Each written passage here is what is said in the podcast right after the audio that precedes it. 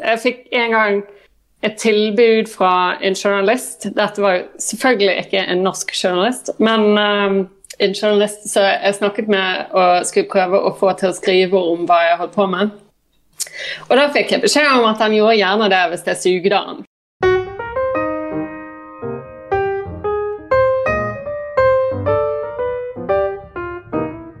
Velkommen til en spesiell episode av Spillrevyen, hvor jeg, Lars Rikard Olsen og min venn Jon Cato Lorentzen ser på hvordan kvinner har det i den norske spillbransjen. I den siste tida så er det delt svært mange historier om upassende oppførsel, trakassering og maktmisbruk i internasjonal spillbransje. Mannlige influensere og utviklere er navngitt og anklaga for slik oppførsel. Flere har fratrett sine stillinger, mens andre har blitt bannlyst av f.eks. Twitch. Vi ønsker i denne episoden å se nærmere på den norske spillbransjen. Det er en liten bransje med rundt 300 personer, og de siste to ukene så har vi brukt tid på å snakke med flere kvinner som har delt sine historier med oss. Vi starter i Tromsø, der spillutvikler Henriette forteller oss det her. Jeg heter Henriette Myrlund og jobber eh, i mitt eget firma som heter Telecherry Games.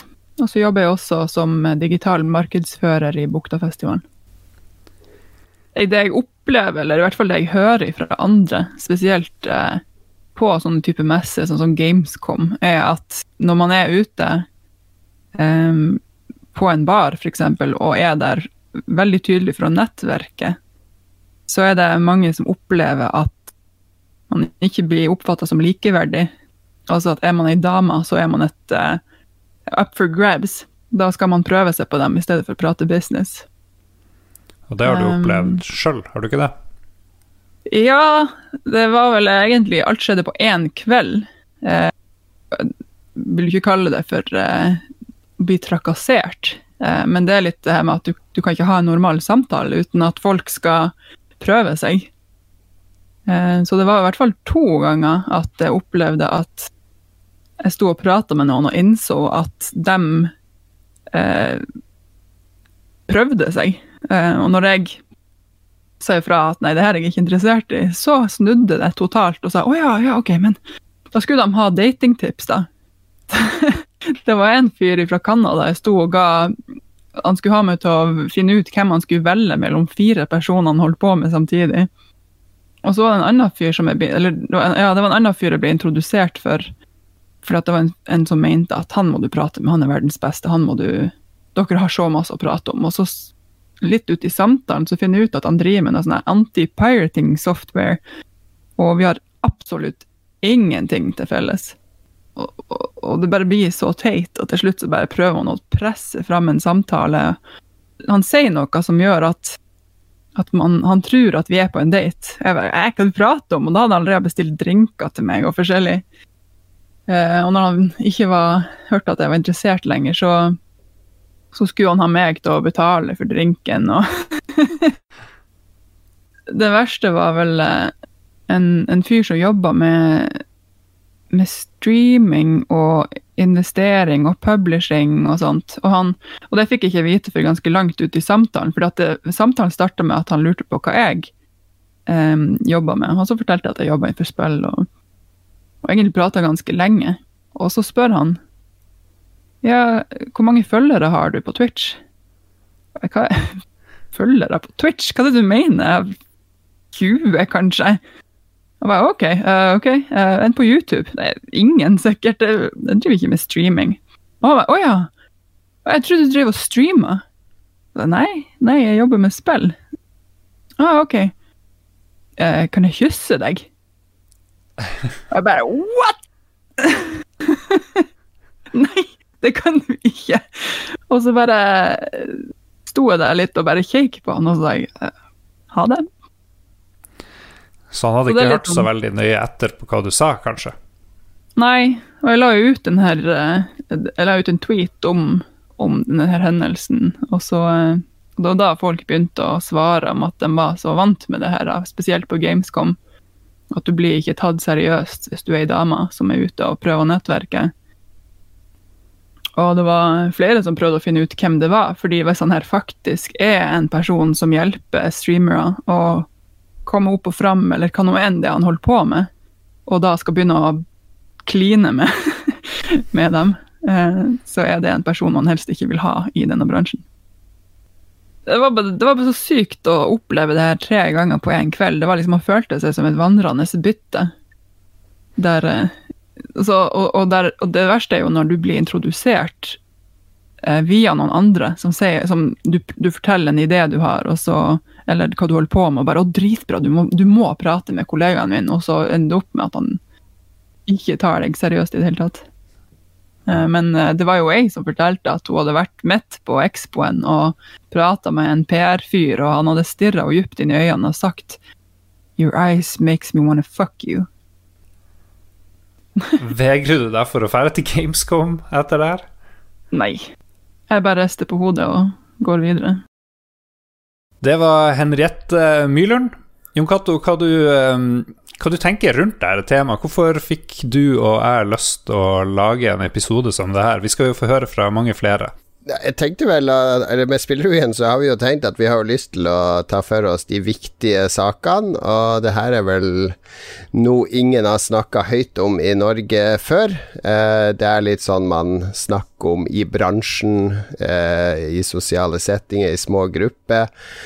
Men det har vel ikke vært noe forsøk på å kartlegge det, så jeg tenkte Jeg, jeg er jo en, en, mann i maktposisjon i den norske spillbransjen, uh, og jeg kjenner meg jo ikke igjen i beskrivelsen fra utlandet, uh, så jeg var litt nysgjerrig på hvordan, hvordan mm. har egentlig kvinnene i den norske spillbransjen det?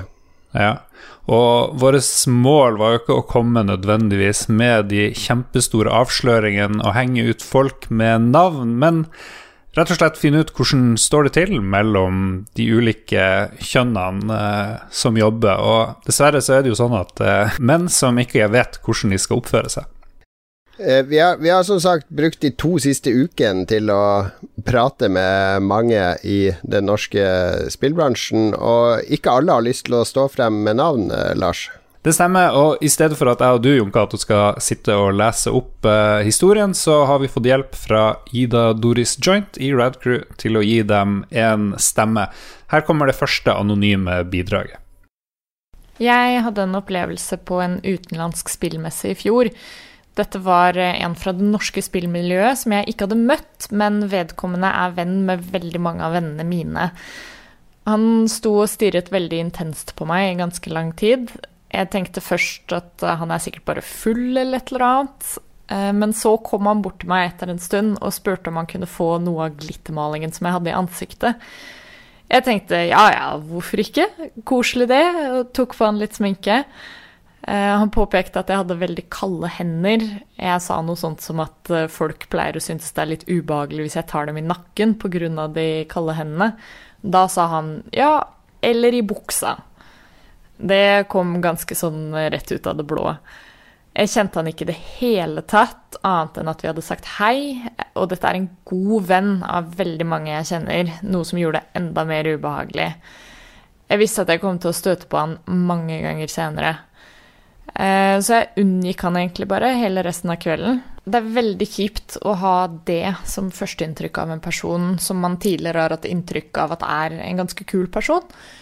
Jeg har møtt vedkommende senere og pratet med han og sånt, men det er litt vanskelig å riste vekk den ubehagelige følelsen når det blir et såpass sterkt førsteinntrykk, da. Så det er jo ganske kjipt.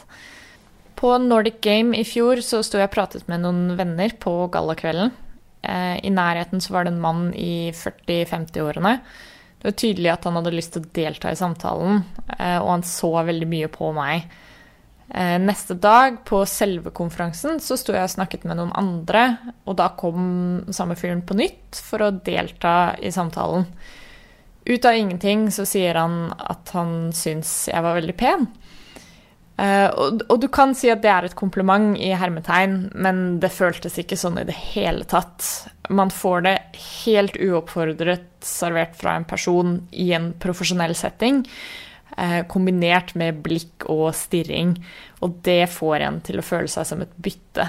Eh, det er veldig ekkelt, og jeg syns ikke det hører hjemme i det hele tatt. Den neste som deler sin historie, er også anonym. Her får vi høre hva som skjedde da denne kvinnen var student og i praksisperiode hadde en ubehagelig opplevelse. Som student gjorde jeg bachelorperioden min i et nyoppstartet selskap. Vi var en gjeng med både studenter og fulltidsansatte som jobbet sammen. Eh, jeg var den eneste kvinnen til stede. Jeg ble fortalt fra starten av at jeg måtte forberede meg på at vi kom til å jobbe ganske tett med en artist. Eh, og det ble sagt at han var ekstremt viktig for selskapet fordi han var eh, the bottleneck for alt som ble produsert. Den første uken hadde vi en workshop, og det var vanskelig å få til et godt samarbeid. Ikke bare fra min side, men for hele teamet. Eh, men de andre hadde et håp om å komme frem til løsninger underveis. Jeg derimot møtte en vegg hver gang jeg prøvde å diskutere meg frem til løsninger og ideer for prosjektet. En uheldig kommentar som jeg selv ikke plukket, men som jeg fikk høre fra en medstudent, var Uh, how do I explain this to a woman? Og det ble tonen for vårt samarbeid resten av prosjektet. Jeg satt fast, for dette var personen som skulle godkjenne alt som ble produsert. Etter å ha prøvd et remote-møte med artisten, så skjønte jeg at det var ikke noe poeng i å prøve en gang til. Løsningen som jeg kom frem til da, var å alltid ha med meg en av mine medstudenter på møtene, eller å rett og slett lufte mine ideer for en medstudent, slik at de kunne ta det videre. På Daily Standup kunne jeg få kommentarer om at jeg var fin den dagen, noe som definitivt var ment som et kompliment, men som kun var ubehagelig ettersom jeg var den eneste som fikk slike kommentarer, og det hadde ingenting med Daily Standup å gjøre. Jeg syns det er ubehagelig å se tilbake på. Eh, jeg får til og med dårlig samvittighet for å dele dette, men jeg sitter igjen med mye vondt, og jeg syns det er viktig å ta opp. Spesielt fordi jeg var student og i en veldig sårbar posisjon. En som har lang erfaring med spillbransjen gjennom å jobbe med festivaler, PR, markedsføring og mye mer, er Linn Søvik, som vi har intervjua tidligere her i Spillrevyen. Eh, det var hun du hørte i starten av programmet, og her kommer hennes historie. Hei, eh, mitt navn er Linn Søvik. Jeg jobber som bizdef for Pineleaf Studio i Trondheim, som skal utgi spillet Dwarfheim snart. Ish. Det jeg merker veldig ofte, er jo det at jeg er kvinne av en eldre generasjon. Uh, så jeg har, uh, har, det ganske innebygd i meg til å bare komme meg videre. Let's not talk about it. Komme oss videre. Så jeg beundrer så veldig mye denne yngre generasjonen som tar opp disse tingene. Um, men altså, de tingene som er ukomfortable, som gjør meg ille til mote, er kanskje litt uh, mer personlig. men de som blir rene seksuelle eh, blir så latterlig at det, um, det er vanskelig for meg å ta det seriøst. Jeg fikk en gang et tilbud fra en journalist. Dette var selvfølgelig ikke en norsk journalist, men um, en journalist som jeg snakket med og skulle prøve å få til å skrive om hva jeg holdt på med. Og da fikk jeg beskjed om at han gjorde gjerne det hvis jeg sugde han, f.eks. Og jeg husker at jeg husker jeg var, sto der og var stille i to minutter, og så bare begynte jeg å skratle. For jeg, klart, jeg klarte ikke ta det seriøst. sant? Egentlig så begynner du å lure på sa han det for å kvitte seg med meg, eller mente han det alvorlig? Men altså, selvfølgelig gikk vi hver vår vei, da. Men uh, det, er så, det, er så, banalt når det først skjer med deg. Da blir du litt sånn Vent, hva? Hva sa du nå? Og så bare ler du, sant. For jeg har ikke noen annen reaksjon på det, rett og slett. Ja, det er litt sånn du kan le eller gråte eller bli sint. Jeg vet ikke. Ja, og, ja, det er nok flere ganger jeg har gått i meg selv og bare liksom Hvorfor ble ikke jeg sint? Hvorfor fikk jeg ikke navnet til typen? Hvorfor har ikke jeg anmeldt han og fortalt sjefen hans? Jeg vet jo hvilket eh, magasin han jobbet for, men ja. Det er Av og til så bare lar du det gli. Og um, det er jo det jeg syns er så fint med eh, alt som skjer nå, er det at eh, ting kommer i lyset. Og jeg beundrer disse kvinnene som eh, nå står frem og, og forteller hvor ubehagelig de syns noen ting er. For jeg må innrømme, jeg tror jeg tror jeg har opplevd mer behagelige ting enn jeg husker. Jeg har blitt så vant til å, å bare blokkere det og gå videre. Og det er jo også sånn når du også er ute og pitcher og tigger etter penger, så har nok ikke alle vært like respektable. Det er vel kanskje det riktige ordet. Ja. Mm. Har det noe med at man ikke blir tatt seriøst, på et vis? Jeg har også opplevd, eh, når jeg har stått på stand, uh, mye at uh, hvis det tilfeldigvis er en mann eh, like ved, så snakker de heller med mannen enn de snakker med meg. For det er egentlig må jeg innrømme, har vært et større problem i Norge enn noen andre steder. At um, der ble jeg oversatt fullstendig. Og så står du der med T-skjorten for spillet du skal representere, og så vedkommende som står ved siden av deg, står ikke med T-skjorte og skal representere spillet, men de spør allikevel. Hmm. Og det, det, er vanskelig av og til å ikke bli provosert. Og så er du også i en sånn situasjon der du er jo der til å selge, og du er jo der til å etterlate et positivt inntrykk av produktet ditt, ikke positivt inntrykk av deg. Så du føler liksom at du må undertrykke dine følelser. Men samtidig så har jeg alltid visst det at de jeg jobber med, hadde bare fullt respektert hvis det hadde klikket for meg og, og, gjort noe. Men du er liksom ikke i det mindsettet. Du er i den salgsposisjonen og du ønsker å gjøre det beste for de, eller det produktet du jobber med. Har du hørt noen historier fra andre kvinner i spillbransjen om kjipe møter med, med menn? Ja, mye. Jeg har mange historier uh, som jeg hører mange av de er ukomfortable. Altså det, det er jækla mye peniser som kommer frem. Altså det, det er bare noe jeg føler vi kanskje har måttet bli vant til at det kommer dukker opp. Og spesielt hvis du er på en fest, selvfølgelig. Da, eller ikke selvfølgelig, men altså, da, da, er det veldig fremtredende, tror jeg, for kvinner. Men um, men driver driv folk og river frem penis, er det det du sier? Ja, ja, ja. Det har jeg hørt. Men jeg har aldri opplevd det selv, det må ikke jeg si. Men jeg har hørt mange historier om det. Det er ikke uvanlig. Det... Men altså Jeg tror kanskje vi bare Det går ikke opp for meg hvor seriøst det er. For det at du hører historien, og så blir du Wow, hva skjedde det? Og helsike. så og så ler du av det og tenker ikke mer over det. og alle jeg føler av og til veldig mye skyldfølelse fordi at jeg ikke har fulgt opp de jentene som har fortalt meg om disse tingene. Jenter og kvinner. Og uh, sørge for at de faktisk har det bra. Sant? For det er jo ukomfortabelt og, og slikt. Så. Men ja, jeg har hørt ganske, ganske mange forferdelige historier. Ja. Hva er, det, hva er, det, vi kan gjøre for å gjøre det?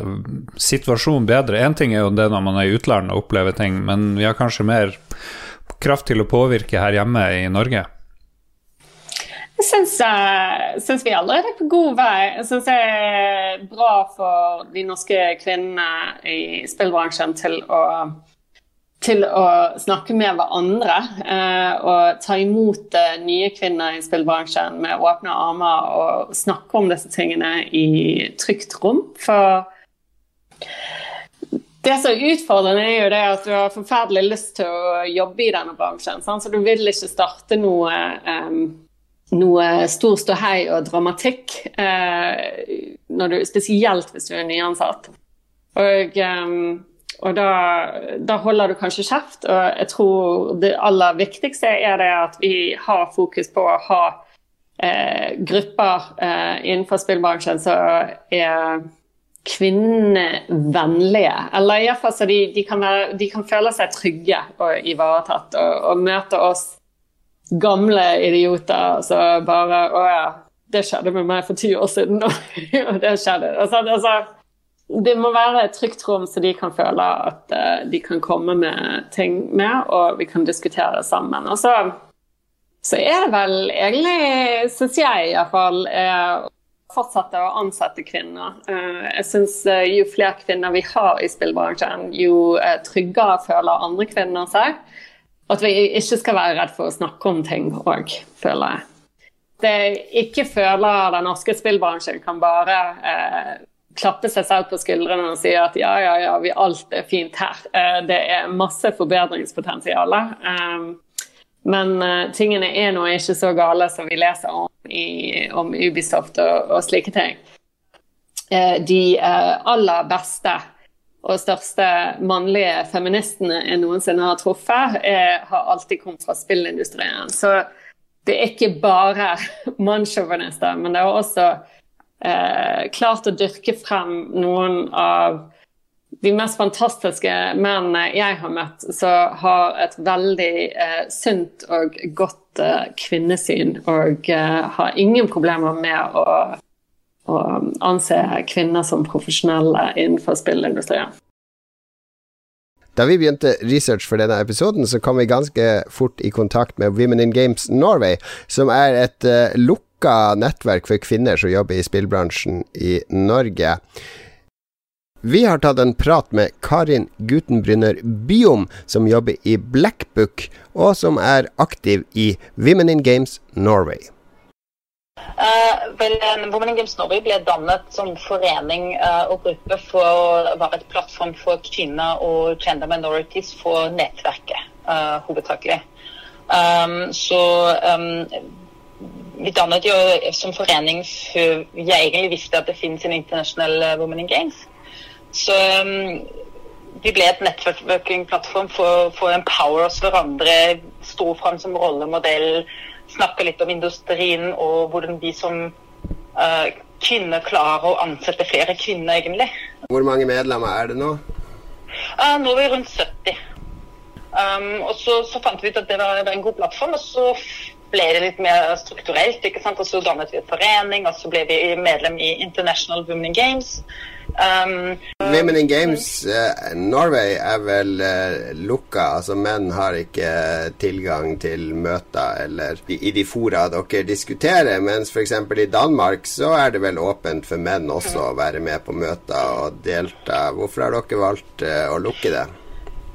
Mm, altså Vi har jo valgt å lukke det i første omgang, uh, bare for å bli kjent med hverandre uh, før vi går ut. Det var egentlig hoved, hovedmålet. Mm. Og det har vi nok gjort nå. så De siste møtene har vi snakket en del om å åpne opp.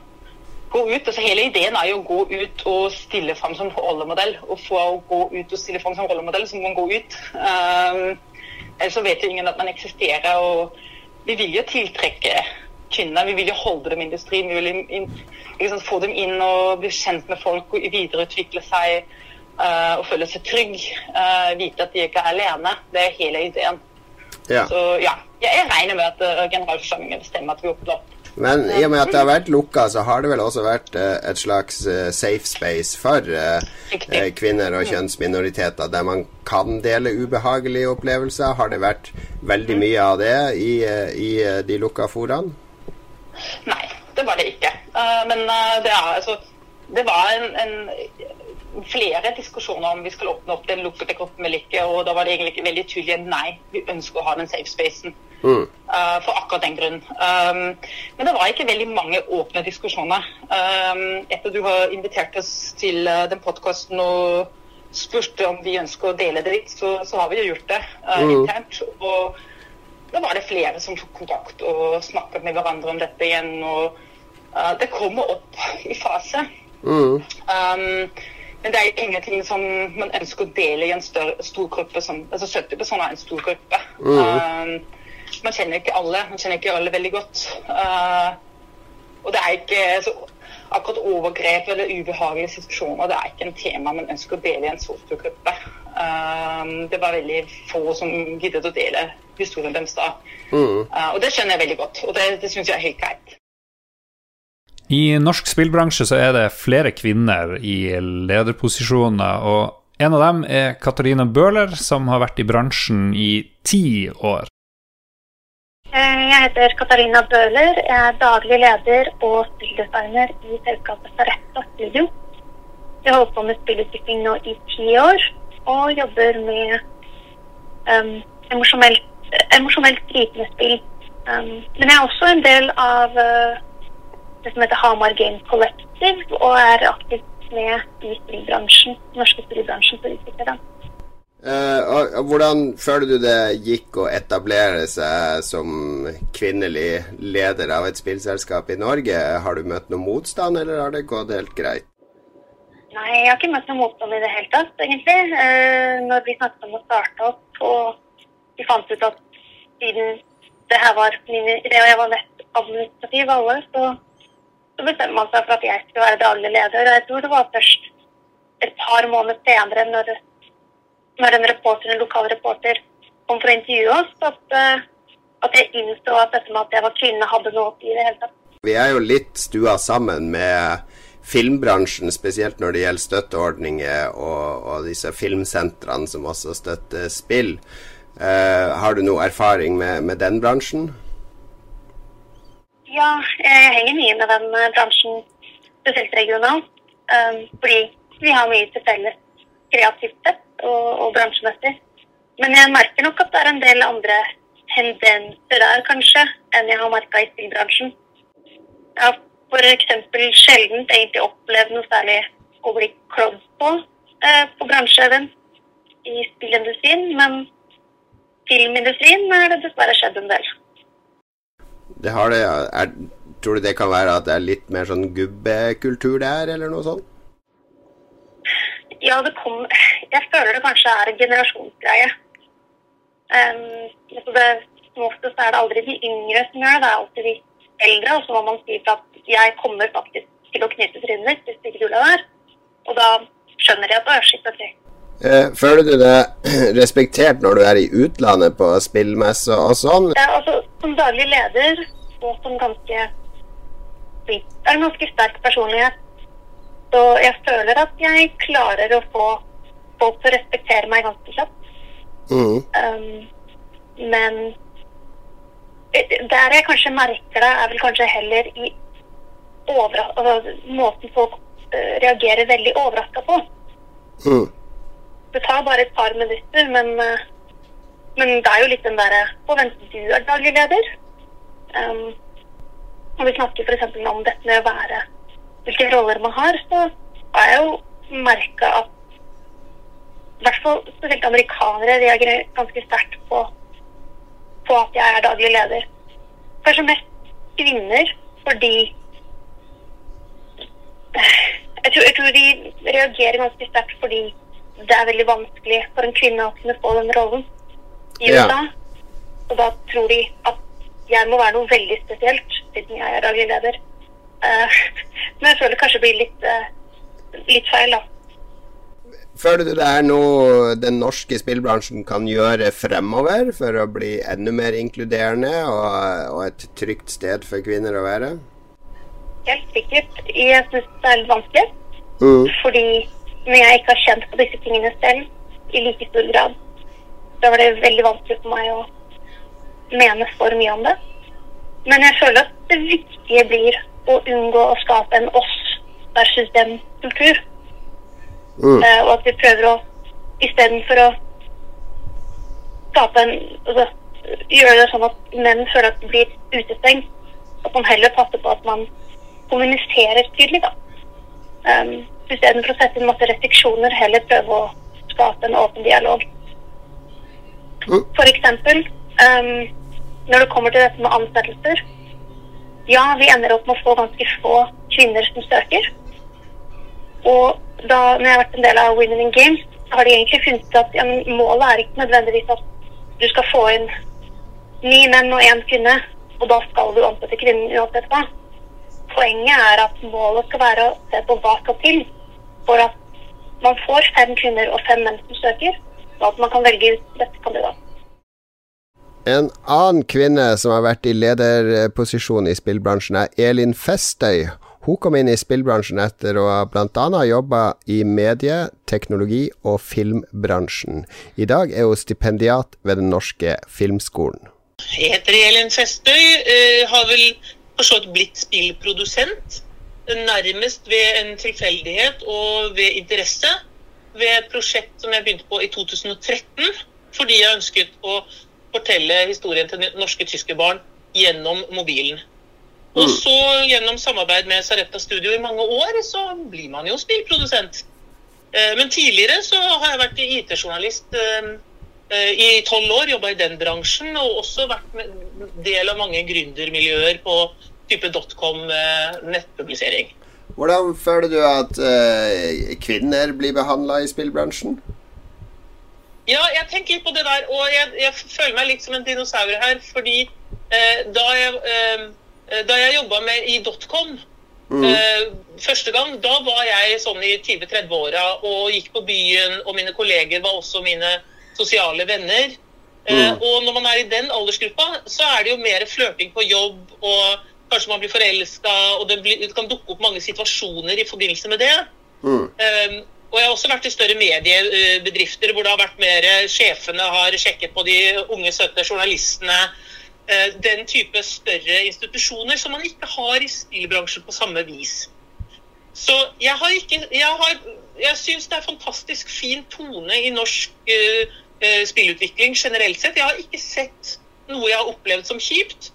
Eh, gjelder dette i utlandet òg? Fordi de fleste historier kommer jo fra utlandet, og kanskje de litt større selskapene, og kanskje i forbindelse med eh, disse store konferansene og, og festene på disse konferansene. Ja, det, altså det minner meg mer om ting som, som jeg har fått med, med, med meg i IT-bransjen tidligere. Hvor du har liksom større, eh, større selskaper, mye penger. Eh, Her i spillbransjen vil det være mer sånn Triple A-miljøene. Du har hardt arbeidspress. Eh, Du har, eh, og du har gründere som kanskje har tjent seg mye penger eller fått, fått en god del makt og er ganske unge.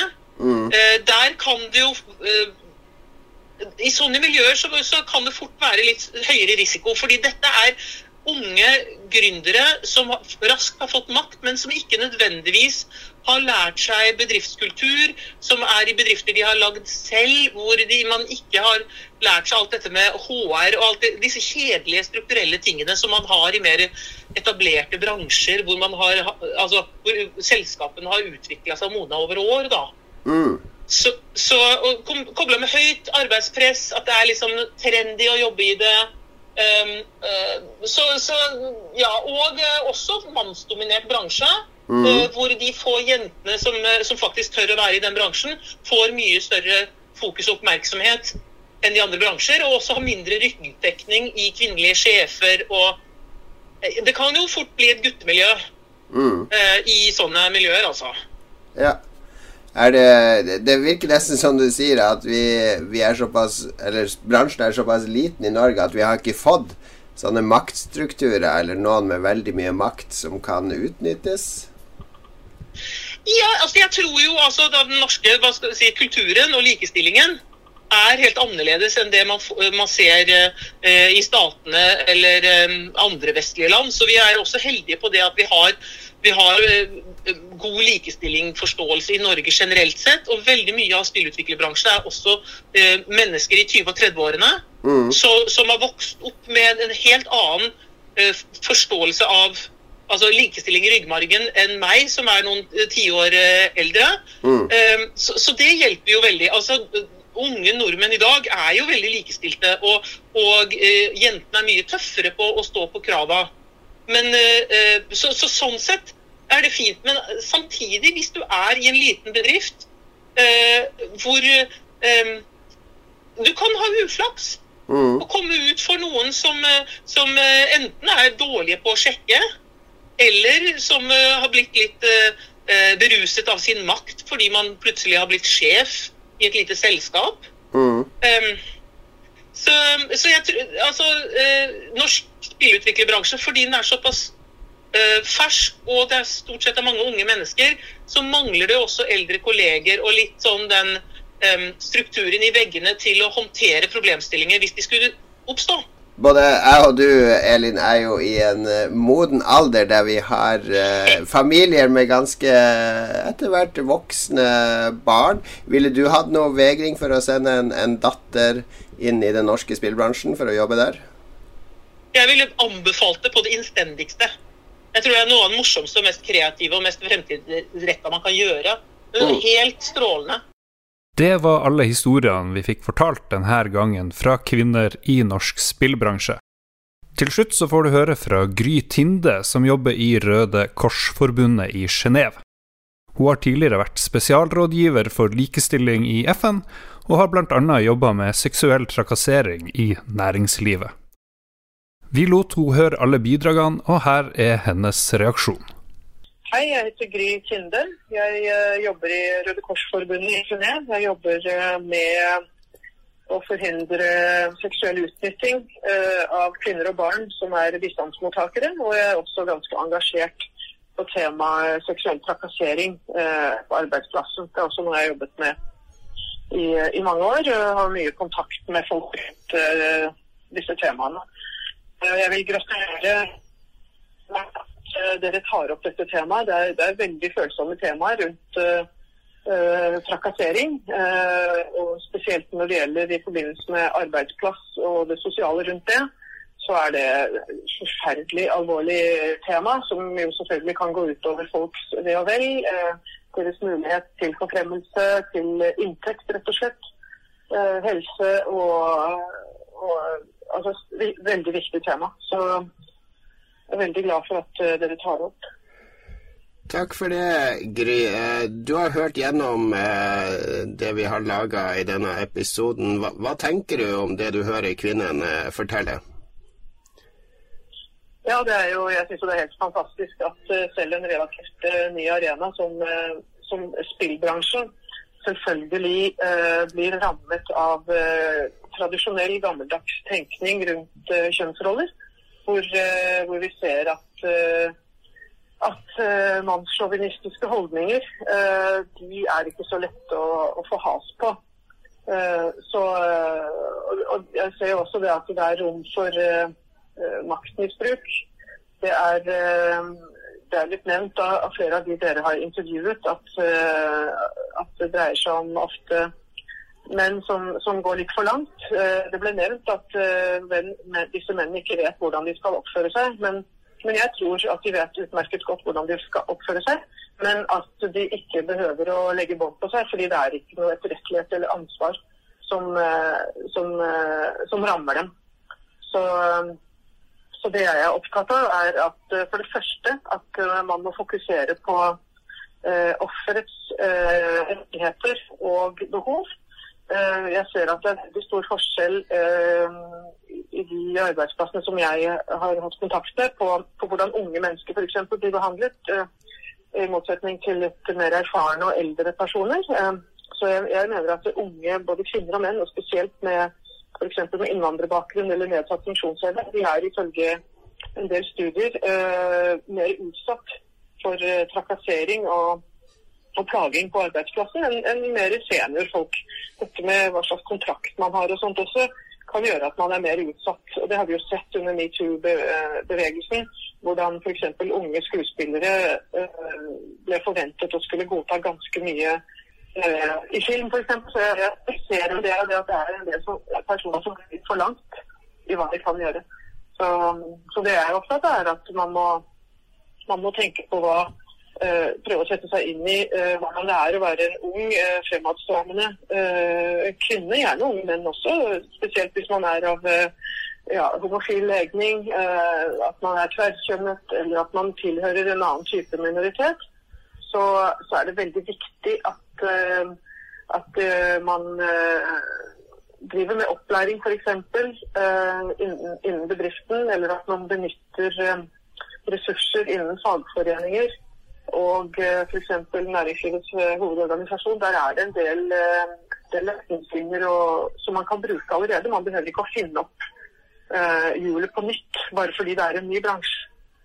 Jeg er jo en, en, mann på nærmere 50 som har vært i spillbransjen i mange år, og er i en ganske høy maktposisjon og har jo sett bransjen utvikle seg fra litt sånn ren gutteklubb til å bli, i mine øyne, mer inkluderende. Men jeg skjønner jo også at mine øyne klarer ikke å se alt fordi at jeg er mann og, og har vært privilegert. Så er det noe jeg kan gjøre i min posisjon eh, for, for, å åpne mine øyne bedre?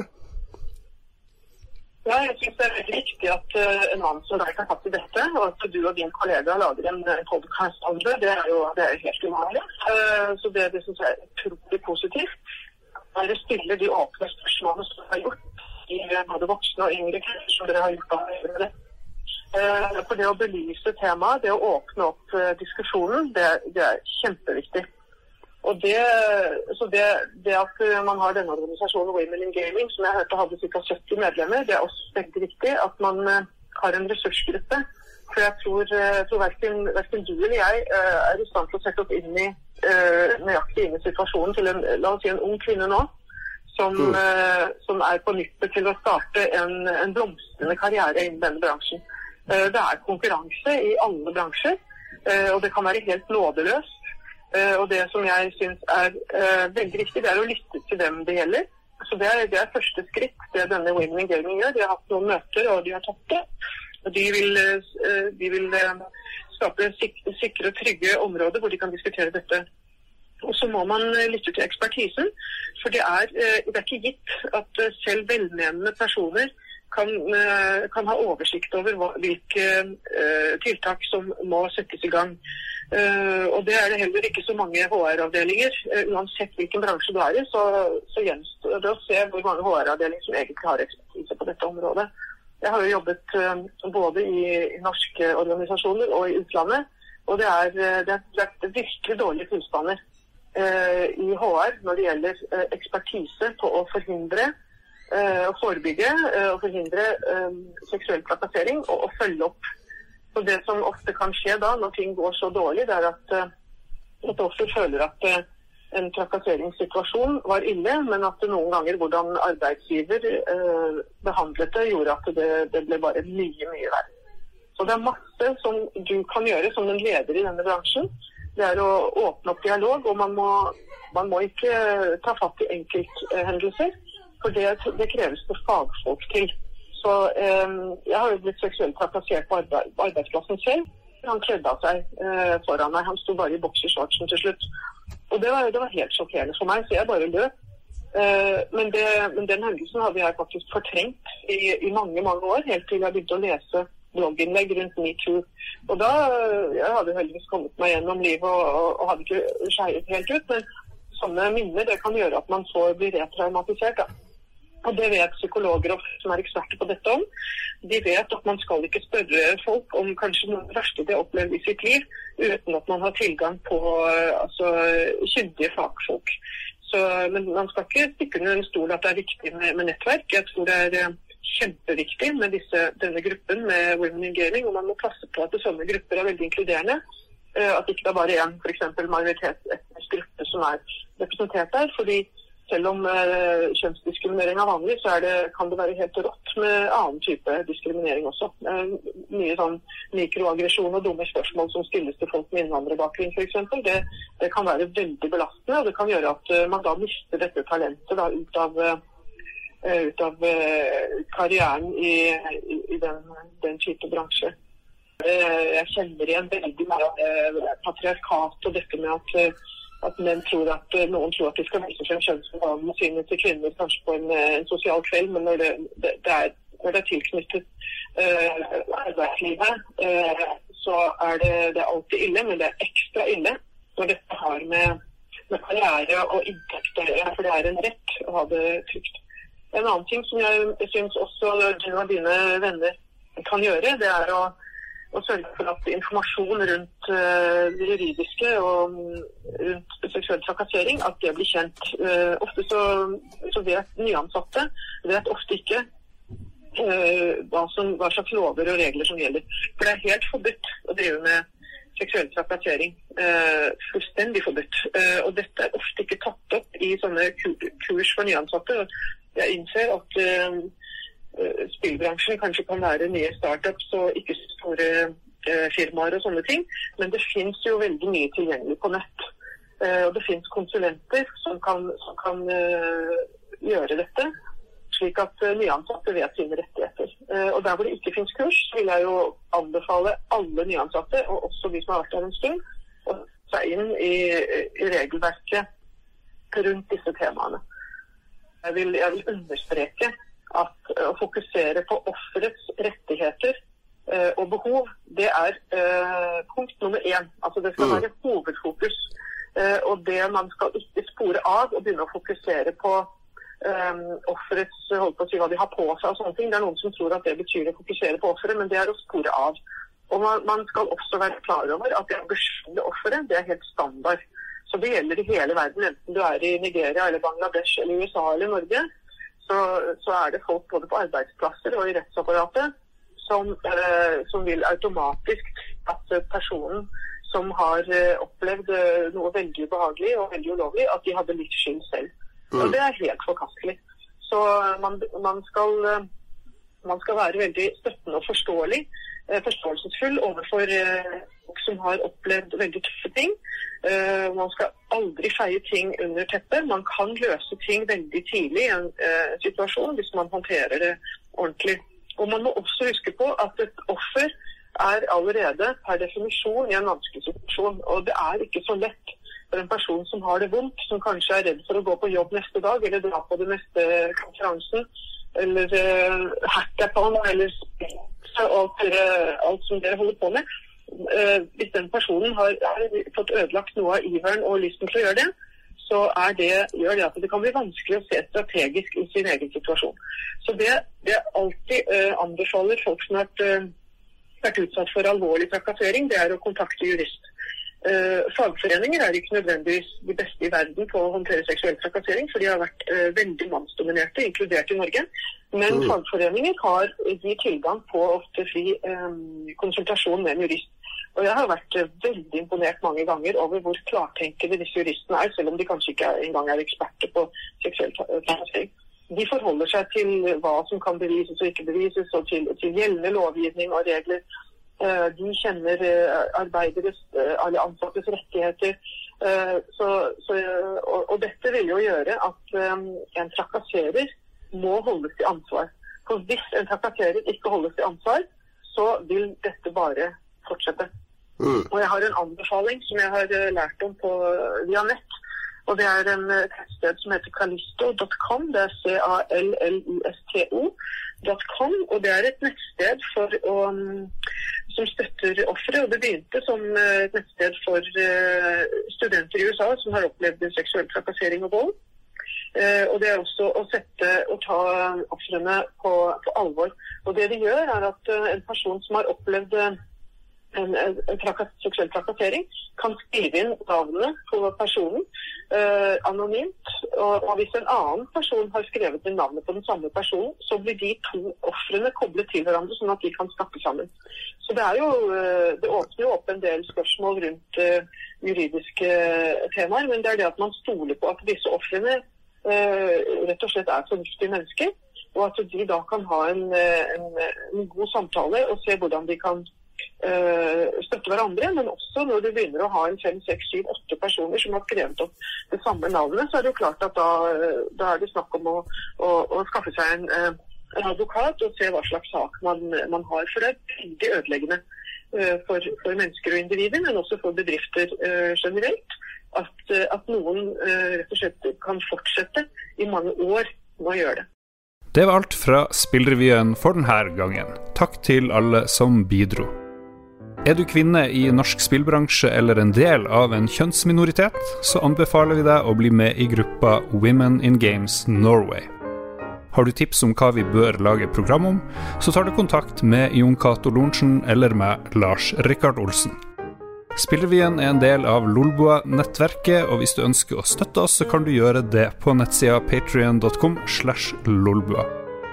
Hør også våre andre podkaster Ragequit og Lolbua, som du finner der du normalt lytter til podkaster. Spillrevyen tar nå en liten sommerferie, men hvis det skjer store ting i spillenes verden, så kan det hende vi dukker opp før du aner det. Ha en god sommer, alle sammen, og ta vare på hverandre.